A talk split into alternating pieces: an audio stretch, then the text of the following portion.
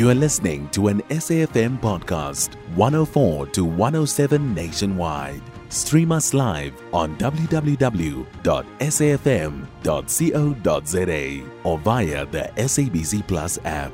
SABC News, independent and impartial. The South African Health Products Regulatory Authority, SAHPRA, has made the decision to withdraw Volcadene containing medicines from the South African market due to the increased risk of sudden, severe, and life threatening allergic reactions occurring during surgery.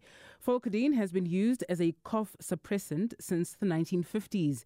It is registered to treat dry coughs and is available in various non prescription medicines. To get more clarity on this, we're now joined on the line by Mafura Matlala, who is pharmacovigilance manager at SAHPRA.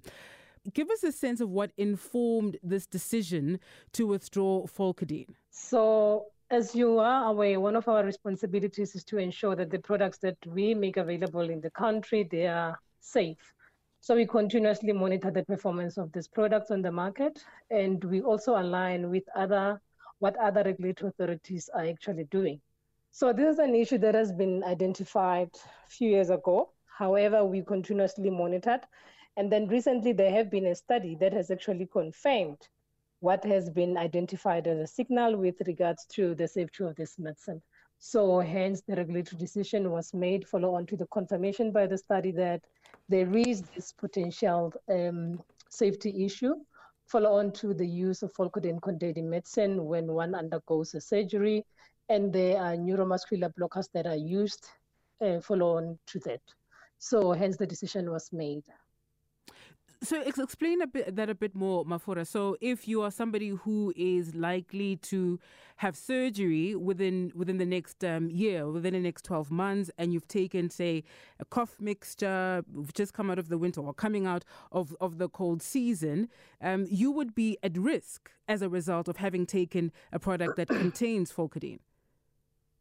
So it depends what will be used in the procedure that will be undergoing. So if they are going to use the neuromuscular blocking agents and you have used the Volcadene containing medicine in less than 12 months, yes, definitely you are at risk.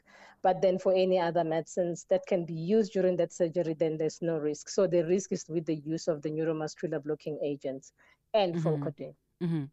You yes. say you say you've been tracking this for quite some time. What sort of cases or incidents have we been seeing um, that uh, it's now gotten you to a point where you're now pulling um, products that contain Volcadene?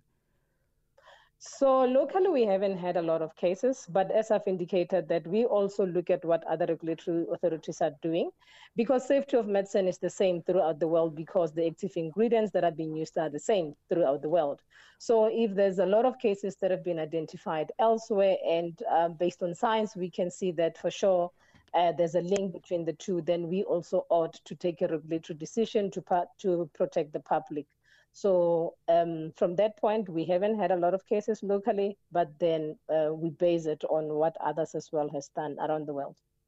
All right, and what is happening to people um, around the world? What what sort of uh, uh, cases um, have have you seen? So so what's happening to people? Are they are, okay. are they are they dying? Are, are we talking fatalities here? Are we talking illnesses?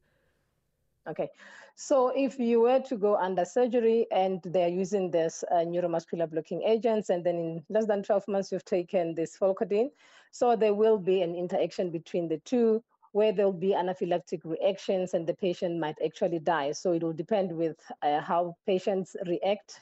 As you know that we are different and then we'll react differently. But there have been fatality cases that have been reported. You advise to um, consumers regarding alternative medicines if they think they have taken Volcadene containing medicines, uh, particularly 12 months prior to surgery or general anesthesia?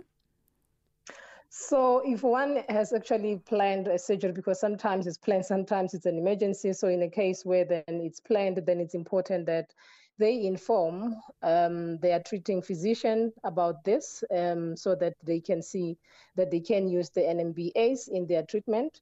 And then if they they have any of these medicines in their cupboards, medicine cupboards, then they need to take it to at least public institution that they will take this medicine so that they can be um, destroyed accordingly. Yeah, give us a sense, Mafura, please, of um, so some of the, uh, the, the the products, right, the medicines that actually contain Volcadene, so that people are aware.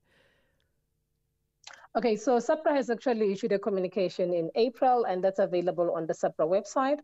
But then from that communication, there's a list of products that has been included, and it includes Foltex Forte, Foltex Junior, Proco, Folco Fen, Folco, Foltex Plus, Adco Folco Linked, Contra Cough, Doxet, Tixilix. So that's the list that we have actually provided on the uh, media statements that we have issued available on the SAHPRA website. How has the market uh, and the public received this, this news of, uh, of uh, SAHPRA pulling Folcodine containing products? So from the from the market itself, we haven't received any concerns from the public, uh, but we're working with the companies on this issue. So there hasn't been any negativity from the public as such. Mafura, thank you for your time with us this afternoon. Mafura Matlala, who is Pharmacovigilance Manager at SAHPRA. You can find SAFM Current Affairs on 104 to 107 nationwide. Our podcasts are available for download on all our digital platforms. SAFM, leading the conversation.